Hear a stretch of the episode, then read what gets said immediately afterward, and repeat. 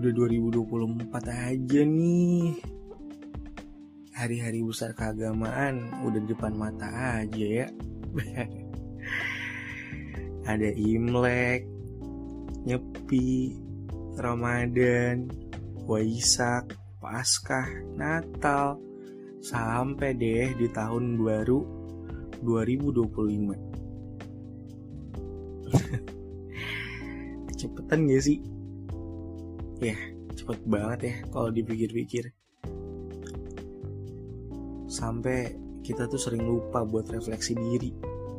Saking padatnya tuh ngisi hari-hari, tahun demi tahun. Sering banget kita iri, dengki kepada sesama keluarga, saudara, teman seperjuangan. Padahal kita nggak pernah tahu keadaan mereka gimana. Ada yang berpenghasilan besar, namun habis untuk ngebantu ngelunasi utang orang tuanya. Ada juga yang jabatannya bagus nih, tapi buat pulang ke rumah nih, buat nyari hari libur aja, susahnya minta ampun sampai nggak sempet. Ada nih yang deket banget sama keluarganya, tapi gajinya cuma cukup buat hidup sendiri.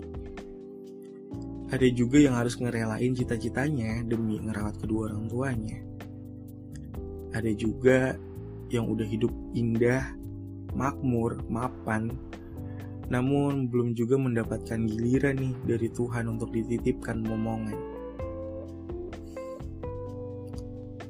Jadi keinget pepatah Jawa dari bokap deh.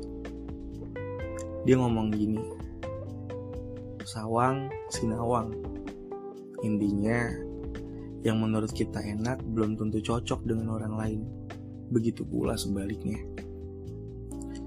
Kalau ngomongin soal jalan hidup, jalur hidup kita sama-sama terjal kok.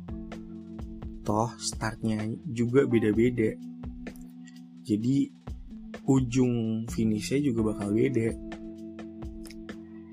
Contohnya ada nih yang diharuskan merantau demi perekonomian keluarga. Ada pula yang memiliki kesempatan untuk menempuh pendidikan lebih lanjut. ada juga yang masih single sering ngerasa kesepian, namun punya banyak waktu luang dan penghasilan yang cukup. Siapa nih yang masih ngerasa sendirian? Padahal udah hidup enak. Udah lah, enjoy hidup aja. enak banget ya ngomongnya ya. Ada juga nih yang cintanya tuh begitu besar, saling melengkapi, namun masih terhalang res, terhalang alah, terhalang restu, sampai berlibet tuh ngomong, ya kan? Terhalang restu restu apa tuh? Restu beda agama. Wah udah tahu beda masih maksain. Nggak apa-apa semoga kalian nih yang masih terjebak di relationship itu semoga punya jalan keluarnya masing-masing ya. Jadi bahagia itu sebenarnya hak kita semua kok. Terus teruntuk seluruh pejuang kehidupan di tahun ini kita jangan lupa nih berterima kasih sama diri sendiri. Terus kalau misalnya nanti langkah kalian seolah-olah semakin berat untuk menggapai cita-cita kalian, istirahat aja dulu, santai, nggak usah terlalu menggebu-gebu, pikirin langkah yang baik yang mana.